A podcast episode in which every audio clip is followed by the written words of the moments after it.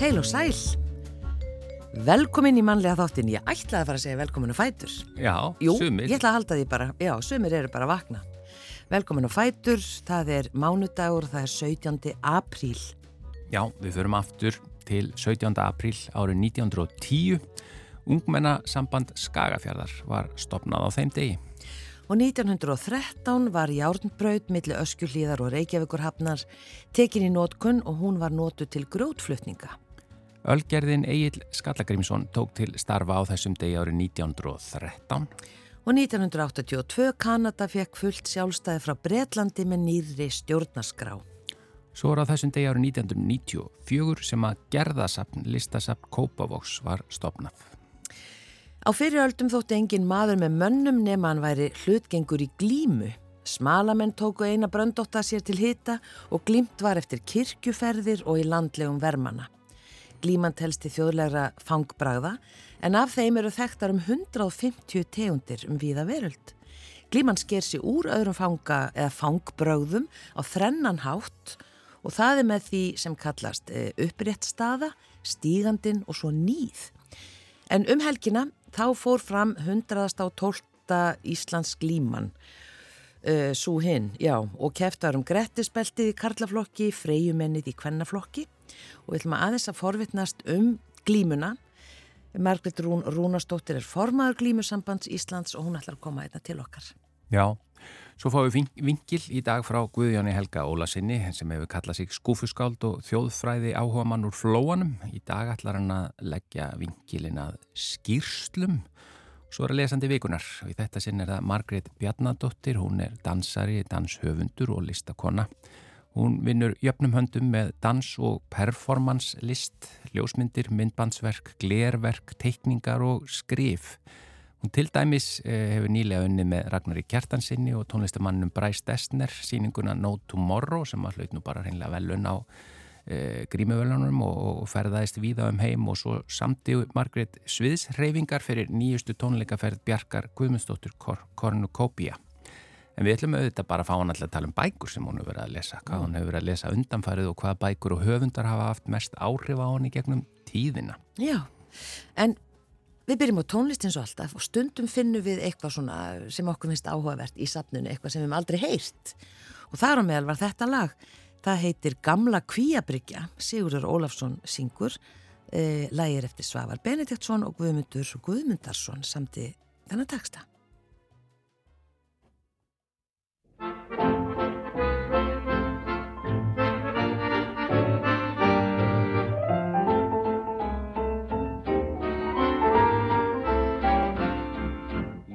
Komin heim að kvíja bryggju, völur mér og rauna þeirri víst. Engi sem að ég get elskað, engi sem að ég get kýst. Áður mann ég höfðu geim og gleði, hvud að vega flóðum júktum kvöld. Bátt og ég sveit við breyða fjörðin, borga get í sextan meðlagsgjöld. Hér áður fættist blessuð börnin, blöskraði það mönnum síst. En nú er öldin bara önnur og glust gelving af því flýst. Þó ég ætti ímsa króa, aldrei dætt ég samt um kott. Þar til þrótar tók að kremja, þennan kvíja bryggju tóll. Ég er komin heim að kvíja bryggju, hvöður mér á rauna þeirri víst. Engi sem að ég get elskað, engi sem að ég get kýst. Áður mann ég höfku geim og gleði, Guð að vega flóður ljúptum kvöld. Bátt og ég sveit við breyða fjörðin, borga get í sextan meðlagsgjöld. Hér eru feikna frægir kónar, flugkattar og dægur gótt. Bílstjórar og brennir þjónar sem að borga ekki rótt. Kvíja bríti kæna herbrað, kaltæni það teljast má. Vinnan okkar hér er viðhald, vistum hrúta komum á. Ég er komin heim að kvíja bryttum, kvölur mér og rauna þeirri vist. Engi sem að ég get elskað, engi sem að ég get kitt. Áður mann ég hörpu geim og gleði, Guð að veiga flóðu ljúttu kvöld. Bafna ég sveit við breyða fjörðin, Borga geti sexta meðlagsgjöld.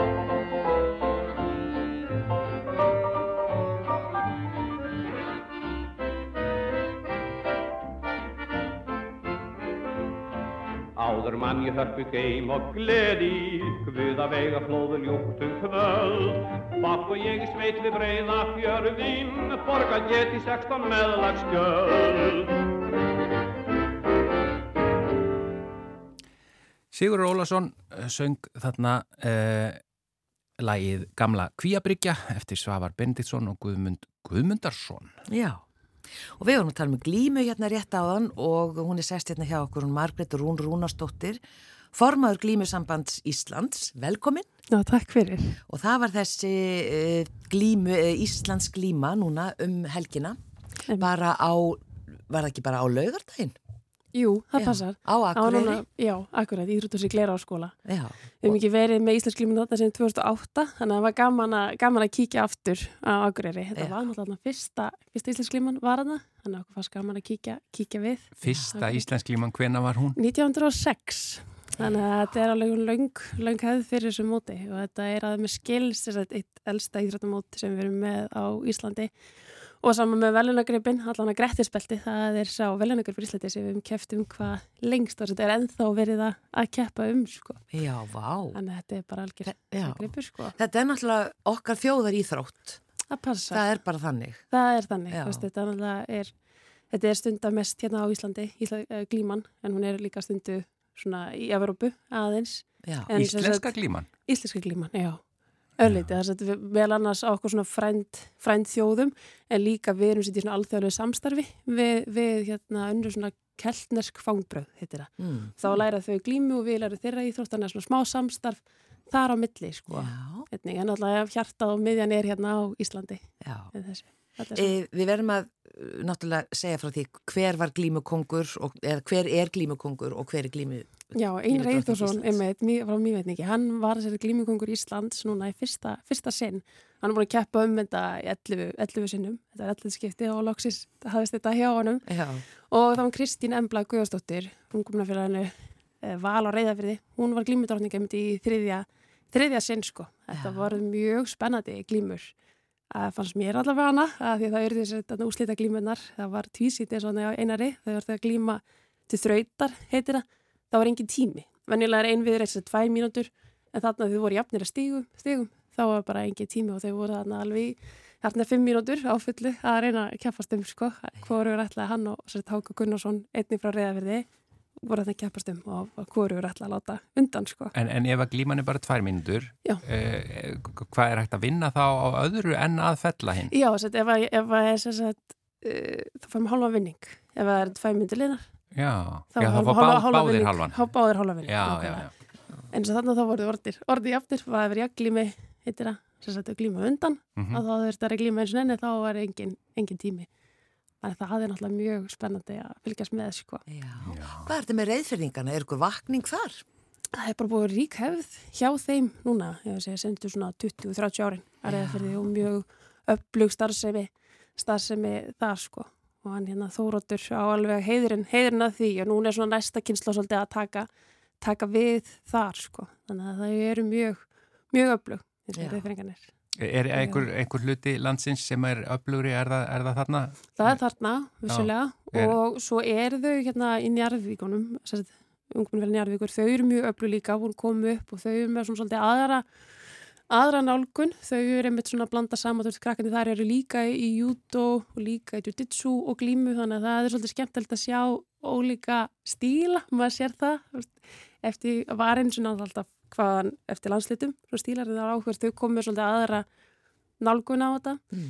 En svo eru þetta starf sem er líka í dölunum, þau eru líka mjög eflik glímufélag dalamanna og svo svona, já, er svona mestu, mesta starf sem er þarna en svo eru líka sagt, HSK, þessi Suðurlandi, það er líka starf sem er þar, en við saknaði svolítið að sjá bæði Vestfríka og þau hérna frá Norður, Norðurlandi, en alltaf einnar einar, ég myndi ekki að fara mjög veitningi en við saknaði að sjá ekki fleiri Já. á mótum hérna Er, eh, sem sagt, við kunnum enn þá að búa til þennan búning, er það flókið? Nei, þetta er rauninni hefðinu sem er búningin okkar, þetta er rauninni bara svo skýrt hven, hvernig maður er í gólfinu og hvenar ekki. Þess vegna erum við í þessum þröngu búningum svo að sé ekki eins og eins og var ekkert mann að vera víðum ból, bólur er snertir, það var ekki því að það sé búkurinn. Saman með buksuna, það er rauninni hugmyndin með þessum, með þessum þröngu búningum, Mm. svo að sé alveg sér skýrt. En Svo- hafa þeir eitthvað þróast? Ég meina, eru er þessir búningar búnir þarna til einhvern tíman í uppafi síðustu aldar? Já, já, Já. þegar við vorum upprannlega voru það bara fimmleika búningar Já, sem að þeir voru í þess að var þetta heilbúningurinn og svo þessar buksur, buksur yfir sem síðan, síðan þróaðist bara og hérna Henningsson hefur meðal annars verið mjög virkið að búa til búningana sko en jú, þetta þróaðist síðan alltaf í bara betri efni fóru því við eitthvað svona ullagallar og yfir í núna sem er svona já, bara íþrótta, íþróttanir spandex eða eh, Já, slíkt bara svona- te tegalegt eitthvað þægilegt sko sem að reyfa sig í Og svo var hérna- þessi, svona, þessar leðurólar. Já, Verða þær að vera ekta leður eða? Það er betra, að því annars hættu við þetta slitni Aha. það er náttúrulega ekki hefðin þarna sko. Veist, menn, fyrst var alltaf buksnatök og svo var menn alltaf að rífa buksutnar sem að sá að það gekk, gekk ekki sko.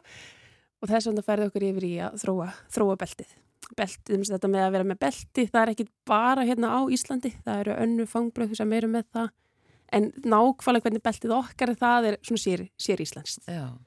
E, við vorum að tala um þetta að, að, að það eru 150 tegundir af svona fangbrögðum eða af glímu til um viða veröld og okkar er, eh, eða sker sig úr á þrennan hátt og það var uh, með þessu sem við nefndum á þann, það er upprétt staða, stígandin og svo nýð. Hvað þýðir þetta? upprið staða, það er þetta ból er banna, sem þýðir unni að við erum alltaf svona stöndum svona bein mest alla glímuna, auðvitað þegar maður er að verjast á ítum maður anstæðinum aðeins frá, en svo þurfum við að vera bein aftur, Mm. það er unni myndar ákveðin líka hraða í, í írótinni Og- hraða þá að hraða í bæði við svo sókn og vörn og, og slíkt. Svo í mörgum fangbröðum þá er maður búið til pláss með því að íta meðmánum, meðmánum frá en skýtur þeim sem að til að, til að sækja bröðin en hjá okkur erum meðmyndar alltaf nálagt sem þýðir að þá skinnja maður líka allar reyfingar allar kvikar reyfingar hjá félaganum Já, já, saman líka verið með tökjana með minni þannig að það, það kemur inn hraðin í glíminni þess vegna er líka glotan bara tvæ mínútur en ekki fjórar eða sex eins og þessum staðar Þannig við stöndum hans því- þéttar við saman. stöndum þéttar, þéttar saman sko. Ok. og einhverjir segja að þetta hafi með feguragildið að gera, jú, vissulega er það fallir að horfa eitthvað þetta beinir en þetta er líka varðandi tækni, Já. tæknina En stígandin? stígandin er þetta með hægri fótinn fyrir svona vinstri fótinn, alltaf.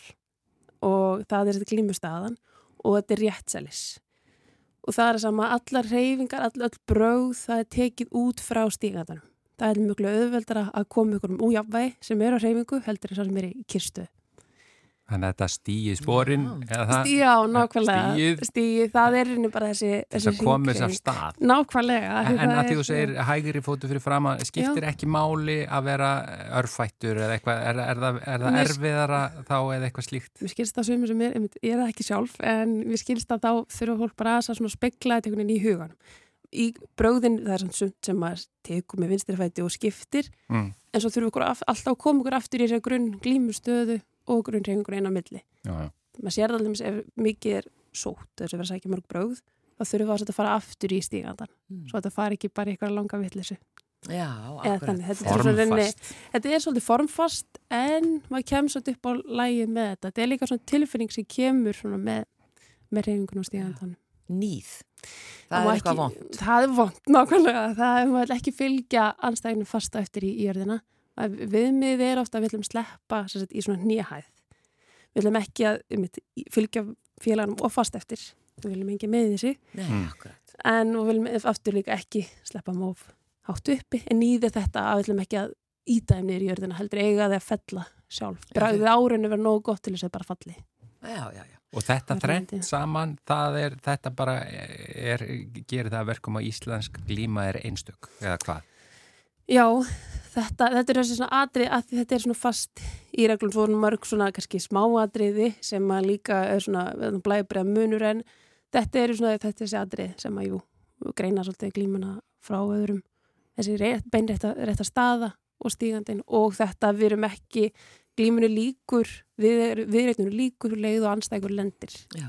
Þetta er svona svolítið virðing, maður er virðingu fyrir anstæðingum. Algjörlega, þú veist, þessi kapp á vellinum þá einmitt er þessi, þessi virðing, þetta kalla svona drengskapur eins og og maður ber virðingu fyrir félag, maður ætlar ekki, einmitt, maður ætlar bara líkurlega og lendir, sko. Þannig að meðsli eru ekki algengi eða hvað? í öllum svona íþróttum það sem er svona mikil, mikil nánt Já. og það sem að er, við, við félagan og átök þá eru þetta alltaf ákveðin hætta já, á, já. á meðslum sko frekar en í, í öðrum einstaklis íþróttum þar sem er ekki svo nánt við félagan en, en við skilta sé ekki meiri en í öðrum sambarlegum íþróttum sko íþróttugrunum það slýs í gera skilir svo eins og allstaðar en, en við skilst að þetta sé sambarlegt og allstaðar Af hverju fórst þú að æða glím? Það var því bræði mínir, voru, ég er ísfyrðingar og bræði mínir báðir, við voru eðna, í glímu og dróðum mig á æfingu plötu og með æfingu og við gekk bara ágætlega og voru allir að fella, fella strákana og fannst þetta svolítið spennandi og, og held sér bara áfram sko. Já, já. Og hvað eftir að, að því þú, mér finnst þetta svo áhugast, hvað, hvað er það við glímuna sem svona fangaði? Hvað er það sem að, er svona gaman?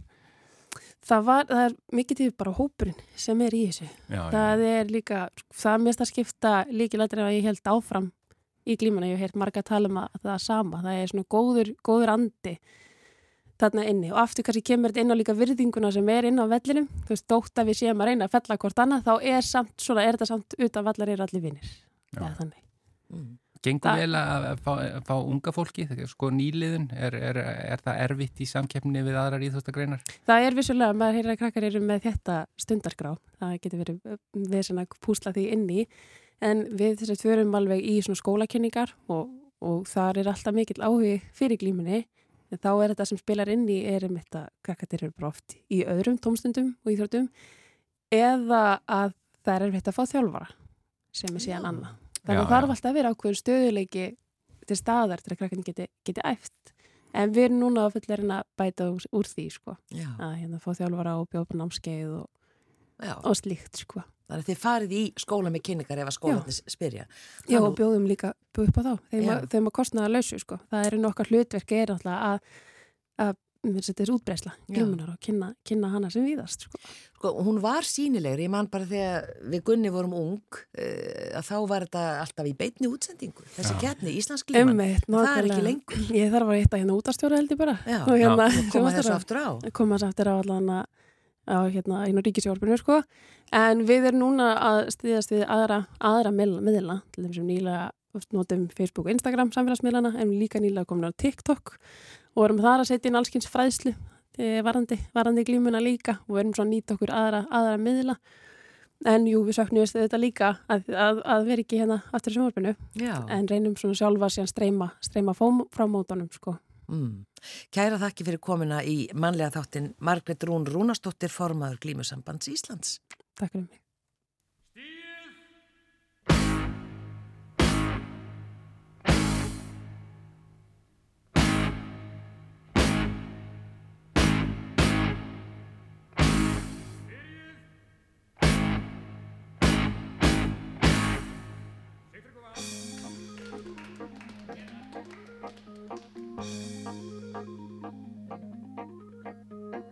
Hér er ekkert hrafnaþing, hér er dans og dreig.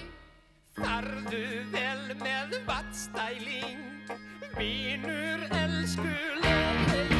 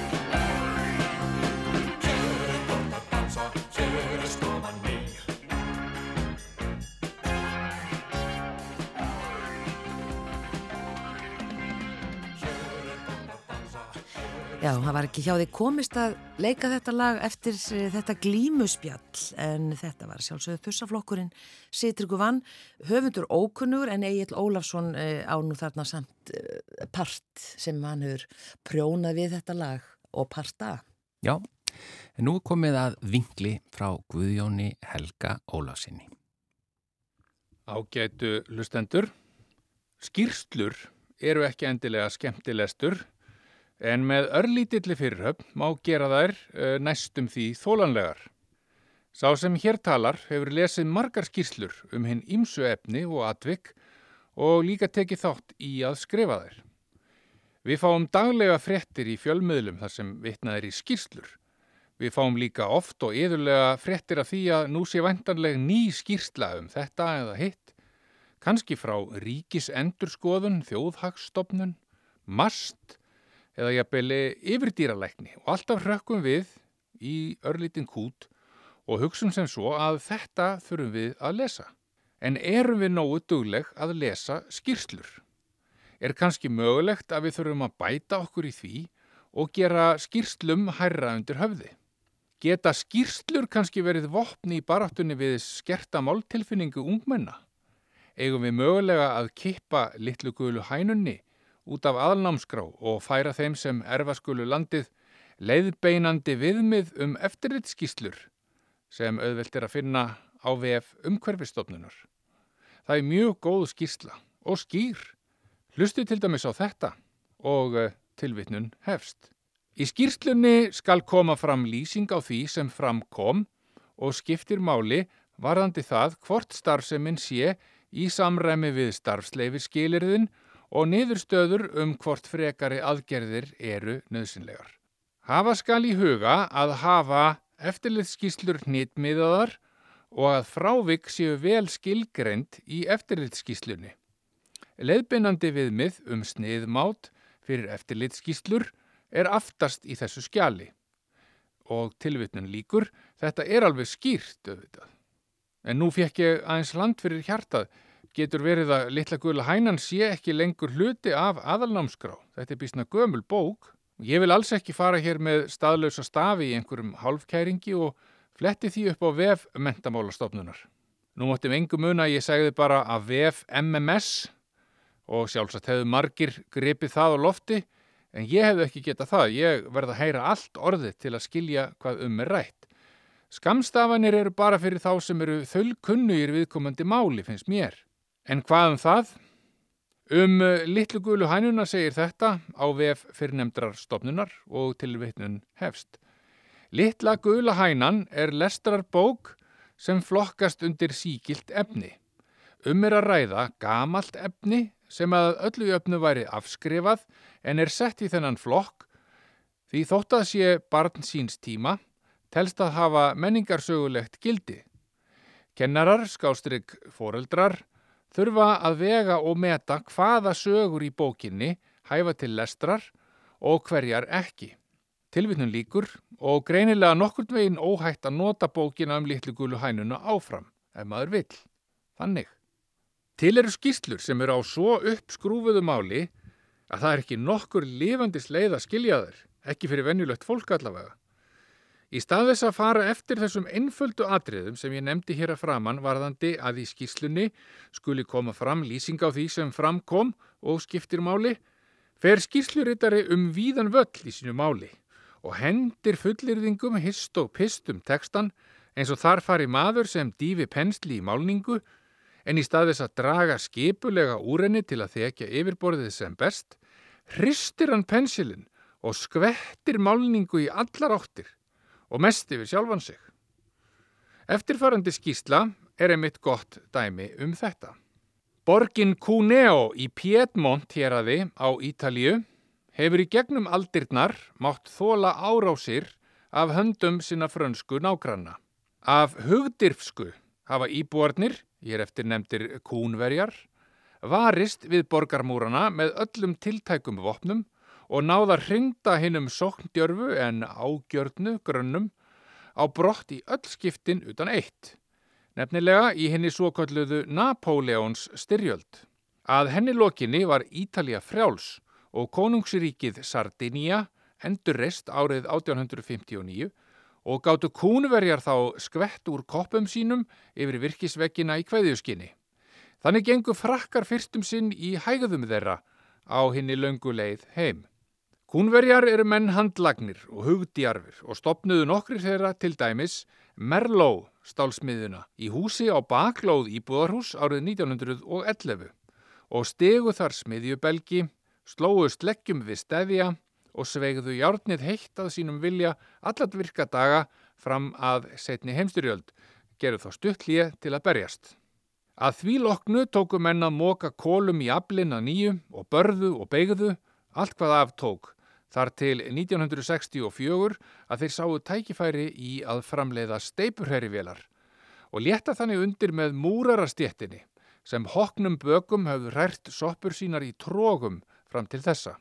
1981 voru kúnverjarornir þreyttir mjög á að burðast með fram og tilbaka þungahluti á hoknum bökum, hjólbörum og östnum og hófu framleiðslu á hennum fallega grænu skotbómulifturum er borið hafa hróður þeirra yfir höf og álfur æg síðan. Er óhætt að segja að Íslendingar hafi tekið uppfindingunni höndum tveim og má finna hérna grænu ranatraktora nánast hvar sem þungar byrðar eru færðar úr stað. Hinn 20.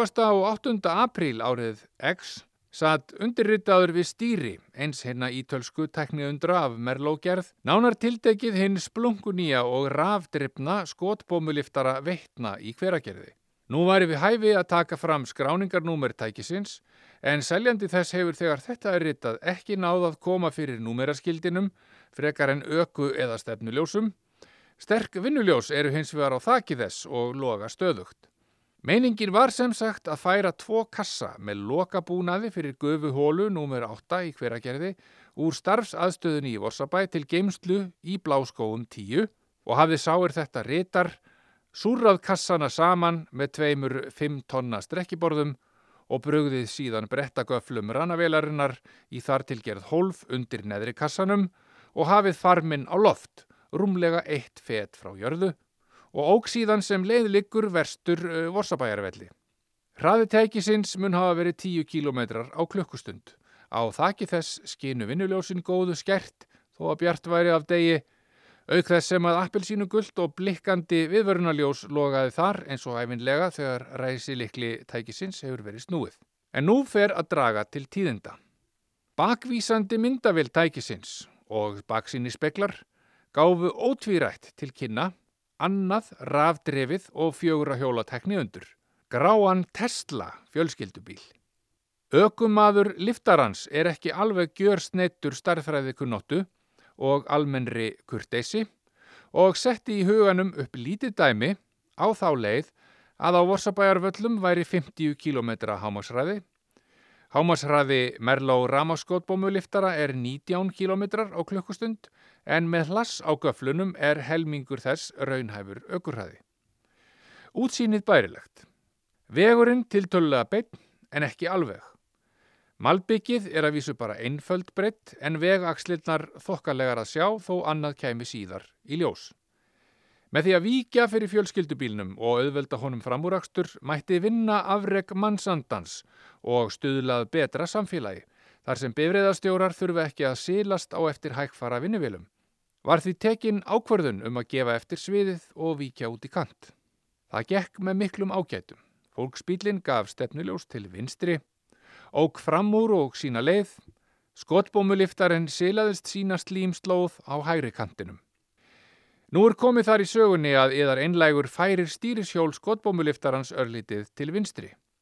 Vildi þannig miðjusetja þetta þunga tæki á vegin að nýju, enda engin umferð og sól skein í heiði. Vill þá ekki betur til en svo að vegauxlinn sígur undan þunga skotbómuliftarans. Hann stefnir rólega út af í áttina að hver að gerði, hvert ferðinni var reyndar heitið, en þarna var engin vegur og ólöglegt að aka vinnuvilum ekki annað að gera en að stöðva tækið og fara yfir þá valkosti sem í bóði voru. Jú, vélinn hallaði tölver til hægri og á það sameinlegt með fyrirverandi bæjarstjóra í hveragerði hvað sem verður eftir næstu kostningar. Farmurinn var óskemtur, enda vel frá honum gengið. Hallaðist upp að runna gulvíðis sem á latínu heitir Salix filisifólia og tiltölulega auðvelt að bakka liftaranum aftur á bakk og skilja kassan þar eftir á meðan vélinni væri forðað hættu frá. Ökumadur yfirgaf þar næst vélina og gekk út á veginn, hvar ökumadur fólksbílsins beigð með brós á vör, nokkuð breytt og svipurinn ekki alveg laus við kýmni. Þarna var þó komin leiðtogi verklegra framkvæmda hjá Veitum OHF á Suðurlandi. Sá hinn sami og hafiði beðið um flutning á fyrirnemdum búnaði. Hann sá glögt að kvorki höfðu orðið slís á mönnum nýja skemmtir á búnaði og yfirgaf vettvangin með hlýjum orðum og óskum velgengni í allri framtíð. Næst var skotbómuliftaranum ekið stistu leið upp á veg og að starfstöð við Vorsabæ þangað sótt Hífitaug og Davíð Kristjánsson frá Skóksnesi í Gölverabæjarreppi til að aðstofa við björgun á búnaði. Var nú Hífitaugð bröðið um eh, flutningakassan og hann færður upp á veg. Það reyndist auðvelt að koma göflunum á sinn stað, hýfa í flutningsstöðu og aka síðan í sætli ró að bláskóum tíu og ganga frá farminum á hinnum fyrirfram ætlaða stað. Allt fór vel að lokum. Dragam á þann lærdóm helstan af atvikinu að vegakslir í Ölfusi eru síndarveiðilendur en ekki gefnar og þingdarablið lætur ekki að sér hæða. Mögulega verður manngæska undirritaðs varðandi ætlaðan framúrakstur annara vegfærenda á Vorsabæjarvöllum í lámarki frá með deginum í dag. Ökumadur skotbómuliftara og höfundur teksta telst óskattaður á sál og líkama eftir atvikið, hefur þegið nokkrar háðsglósur en ber sig þó mannalega. Með vinsemt og virðingu Guðjón Helgi Ólafsson.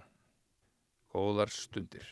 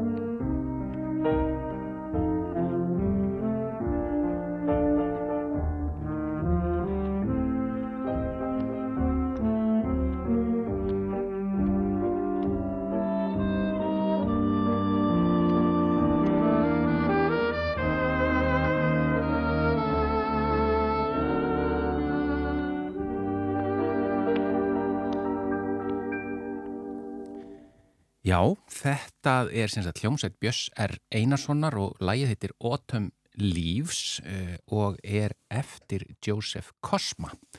En það er komið núna að lesanda vikunar. Hún er hinga komin Margrét Bjarnadóttir, velkomin og takk fyrir að taka þetta að þér. Takk fyrir. Þú ert hérna bara, eins og ég var að reyna að segja frá því uppafið þáttar, þú ert bara svona fjöllistakona myndi ég segja. Já, Skrifar undir það? já, Já. ég get alveg gert það sko. Dansari, Eh, Já, danshöfundur. re reyndar ekki dansari. Já, en þú ert sko, svo- í, en sendi í námið þínu. Er það? Nei, ég er sko lærður danshöfundur. Já, en þú varst, Og- já, all, Já, alltaf- og ég var, ég var aldrei starfað sem sko atvinnu dansari. Já, þú er ekki starfað sem Nei, dansari. en já. ég var, í, ég var, þú veist, í dansnámi, Já, klassískum ballett og svona samtíma dansi alveg þannig að ég var 19 ára. já, En svo hætti ég í nokkur ár og, og svo fór ég í danshöfundunám þegar ég var sko alveg orðin 23. já, já, já, já. Og þá, þú veist, ég líti á það sem svona bara kaplaskil svona, þá ekkert nefn fór ég, að- vildi ég bara semja, en ekki, þú veist, ég gæti alveg bara sleppti að koma fram á sviði, þú Já. og hérna, Þú myndir alveg komast af. ég ke kemst alveg af, sko. Já.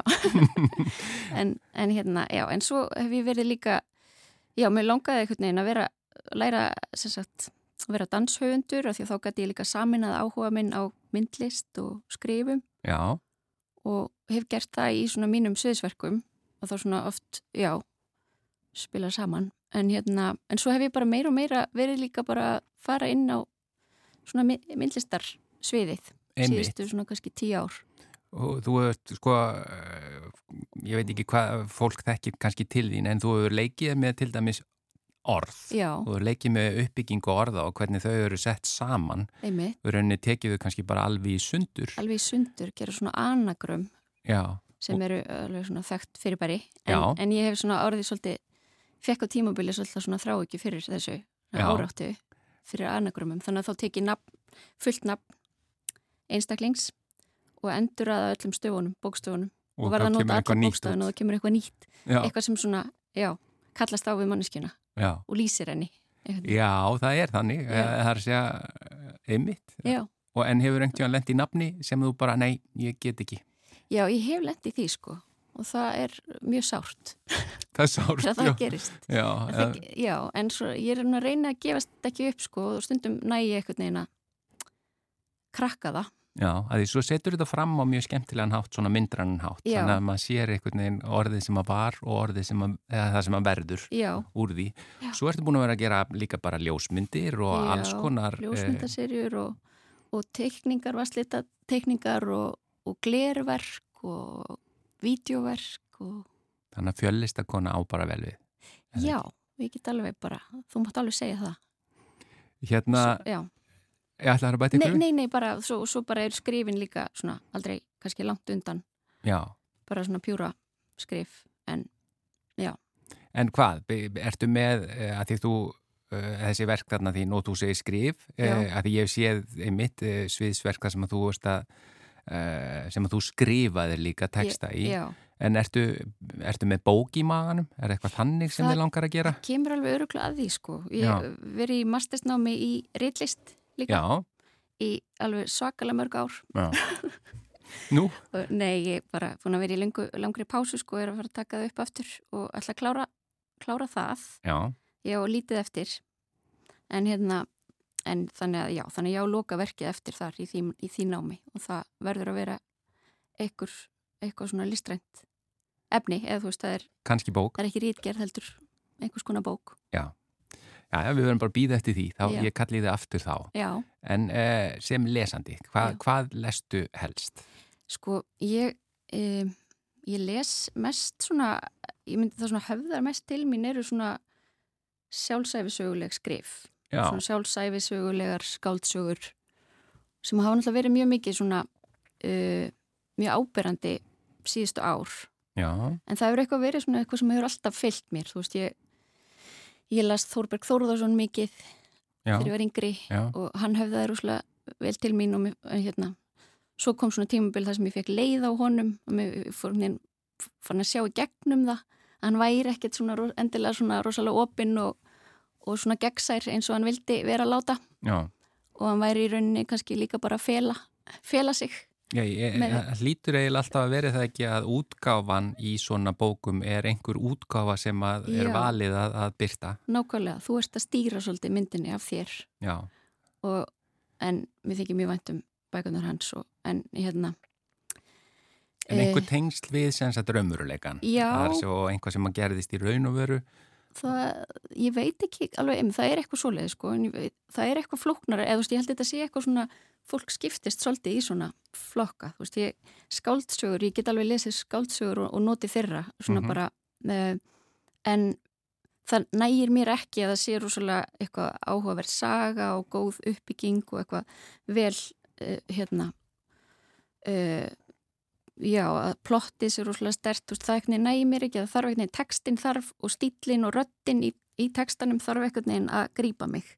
Og, og mér finnst eilur rauninni og ég get aldrei endur sagt sögur heldur, skáldsögur. Ég er alltaf búin að gleyma einhvern veginn sögunni og plottinu en eftir stendur einhvern veginn tilfinningin sem að hún skildi eftir og, og svona andrumsloftið og rödd sögumannsins eða, eða já, það er eiginlega það sem að svona heitla mig mest Sjáum bara dæmi um það. Hvað ætlar að segja okkur frá hérna? Hvað er fyrsta bókin? um, Ég er sko búin að vera að lesa svolítið mikið Annie Ernaux Mm? uh, sem sagt Nóbersveluna hafan Hófst að lesa hana eftir hún fekk velunin eða viss, E- þekktur hana fyrir? Nei, ég var búin að lesa tvær bækur uh, las síðasta sumar tvær bækur eftir hana uh, þar á meðal hérna staðinn, staðurinn sem kom út, fyrsta bókin sem kom út í íslenskri þýðingu, Rautar Ingolstóttur og svo las ég hérna A Girl Story og hérna, já, þannig ég hafði lesið aðeins og aðeins að það er önnur bók mjög fræg eftir hana sem heitir The Years Mm uh, árin og ég hef svona gluggað í hana. En, hérna, en allavega hún skrifar svona, þetta eru sjálfsæfisöguleg skrif og staðurinn, ég mæla alveg með henni sem svona ingangsbók Já. líka bara því hún er á íslensku og hérna og hún segir frá svona sambandi hennar við föður hennar uh, og hún kemur af svona verka verkamanna fólki verkafólki og maðurinn hennar var svona smákaupmaður og þau eru svona mm, og svo fer hún til náms hún er rauninni fyrsta í fjölskyldunni sem að fer til náms og Menta sig. og mentar sig og verður hérna svona partur af svona þessari búrsvæsi þannig og, og verður, það verður rosalega svona mikið, það verður rosalega gap á milli hennar og fjölskylduna. fjölskyldunar. Já, já, já. og það er svolítið rosalega sárt eitthvað neginn, hún getur eiginlega ekki tala við föður sinn eins og hún myndi vilja tala við hann, hún þarf eitthvað neginn að um, sumum finnst hún sko svolítið hérna mm, svona köld eða svona ópersónuleg Já, en mér finnst það eiginlega ekki, mér finnst hún, hún svona lýsir öllu bara ótrúlega hún er ekkert í svona miklu líkingamáli eða þetta er ekkert flúr eða svona tilfinningasemi kannski. engin tilfinningasemi Já. en fyrir vikið þá finnst mér einhvern veginn eins og textin nái að stíga eða tilfinningarna ná einhvern veginn að rýsa upp Já. af því að hún segir svo skýrt frá og lýsir öllu bara svo svona e, hvað segir maður á íslensku Blátt fact áfram. já, blátt áfram já. Já, já. Já, já, eh, og Eh, þessi bók sem og ert með þarna og eftir ég hana er... verið að lesa, þessi heitir hérna Getting Lost og er bara rosaleg sko, þetta er eiginlega bara þessi er sko, þetta eru dagbókar uh, færslur, hennar. spannar eitt ár, rúmt ár í hennar lífi þar sem hún ná í ástarsambandi við giftan mann og, og þetta er bara óbærilegur lestur sko, hún, þetta er bara hún, hún, þetta er bara dagbókin hennar, hún breytir engu Þetta er bara þannig. Já, Já. og það er bara, þú veist, á hverjum einasta degi skrifar hún, hún er bara býða eftir þessum manni, þetta er okkur rosalega ástriðufullt hérna, samband og hún er bara, hún er orðin að engu nema bara konu sem þráir mann Já, já, já. og, og býður eftir honum, býður eftir að síminn ringi, fer helst ekki út úr húsi að þjón svo hrættum að missa af samtali, símtali. Já, en þetta er, er hún svona svakalega, það er að segja, hún talar svona opið um sitt líf, hún er ekki, hún er berskjaldar sig alveg í sínum bókum. Já, ég myndi halda að þetta væri sko algjörlega hennar, hennar sko berskjaldaðasta bók Já, af því að þetta er bara svona pjúra uh, dagbók. Hinar bækurnarinnar eru ekki þannig þá, hérna, eða þær sem ég hef lesið. mm Um, ég, ég fór á svolítið, það er svolítið gott úrval í Eymundsson núna af hennar bókum. Já. Þannig að ég er búin að vera leita þangað. áhugavert. Næsta bók, við hérna, hvað? Já, svo hef ég verið að, sko, ég las í, eða sem sagt, ég hlusta ekki mikið á skáldsögur. Nei, Uh, ég hef ekki komist, mist það erfitt, ég næ ekki einhvern veginn að halda einbyttingunni já, þegar ég missi þráðinn, en ég hlusta mikið á sko bækur um svona eins og sálfræði og bara svona mannlegt eðli, mannlega högðun, sálgreiningu og ég hef áhuga á þannig því efni. Og ég hlustaði á þessa bók sem heitir hérna á ennsku The Body Keeps the Score og er um hérna bara, þú veist, áfell og hvernig áhrif áfalla á bara líkamann og, hérna, og þessi, þetta samband hugar og líkama sem oft er svo aðskilið og hérna, eða sem sagt, við höfum viljað aðskilja en í rauninni tengist svo ótrúlega um, mikið og það er ekki hægt að aðskilja það í rauninni. Eftir Eh, hvern er þessi bók? Þetta er eftir Bessel van der Kolk. Sko við erum sérstakt áhugafólk um áföll og Já. afleðingar áfalla hér í mannlega Já. fjöllum mikið um það. Uh, Já, Þannig að þetta er eitthvað bók sem ég þarf að verða mér sko út. í. málið er nefnilega að hún var að koma út í íslenskri þýðingu og heitir Líka minn geymir allt. Já, og þetta er bók sem kom út sko fyrir nýja árum en hún var bara að koma út í íslenski þýðingu sem ég finnst frábært af því að ég teki eftir að, að því ég hlusta svo mikið á svona efni á ennsku já, að ég er, þú veist, þegar ég er að tala síðan við vinni og fjölskyldu um þessi mál þá sletti ég alveg rosalega því ég bara hef ekki orðinu hugtökin á Mhm. íslensku já. og mér er svo gott að geta, mér langar að lesa hana aftur bara á íslensku, þannig að ég hérna, geti farið að tala á Til að mínu tungumáli um mín einstu hjartans mál Já, já. En síðasta bókin sem þú ert með hérna fyrir framann þig. Já, hún heitir eh, þetta er raunin síðasta bókin sem ég las og heitir My Phantoms og er eftir hérna breska konu höfund sem heitir Gwendolyn Riley Já, og mér finnst þetta frábær bók. Ég mæli með henni. Hún hérna þetta er aftur svona ég held þetta sé svona svolítið sjálfsæfi söguleg skrif. Mhm, og hún er að fjalla um samband sitt við foreldra sína, aðla móður. En á, þú veist, hún næri eitthvað neginn, hún er rosalega góð í samtölum og skrifar alveg bara ótrúlega næm samtöl og rosalega fyndin en átakanleg. Og hún bara hefur rosalega sans fyrir orðavali og hvernig fólk tjáir sig og það er bara unun að lesa samtölun hennar og um, það er svona engar klesjur þarna. Og hún er að lýsa móður sinni á bara um, Já, hún notar aldrei, hún, sko notar aldrei svona, hún er aldrei að greina hana, hún er ekki að sálgreina móður sína en, en þú veist, hún notar aldrei orðið narsisisti eða sem að væri svo freistandi.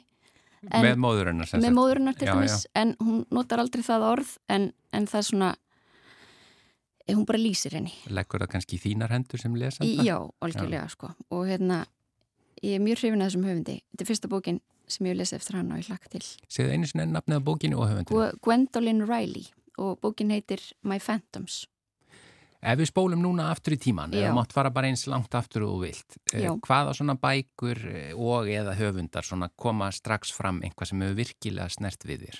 um, sko um, ég hérna það, það koma svona tímabil þar sem að ég fæ einhvern höfund svona kannski á heilan eða þannig Mm. og svo svona svolítið leðilegt kannski leðilegt segja frá því sko en stundum fæ ég svona nóg af höfundum Já, já, já. Þetta er svona Það er ofstóran skamt. já, já, fæ svona of stóran skamt og þú veist, þannig að ég vil hérna stundum þarf ég bara svona að kvíla mig á Og viltu þá ekki ræða þá Þannig að ég vil ekki þetta í rauninni afhjúpa Nei, en ég, ég hef bara sagt lesið svona temmilega mikið um Já. æfina og um, á svona mína höfunda sem hafa móta mig og svo kannski þarf ég að taka mig smá pásu frá þeim, en mér finnst það líka að vera eðlilegt, þú veist, maður náttúrulega bara þráskast og, og þetta verður eins og einhver svona einhver, uh, já bara einhver kapli í, og sem hafið mikil áhrif á mann og, og hérna en svo bara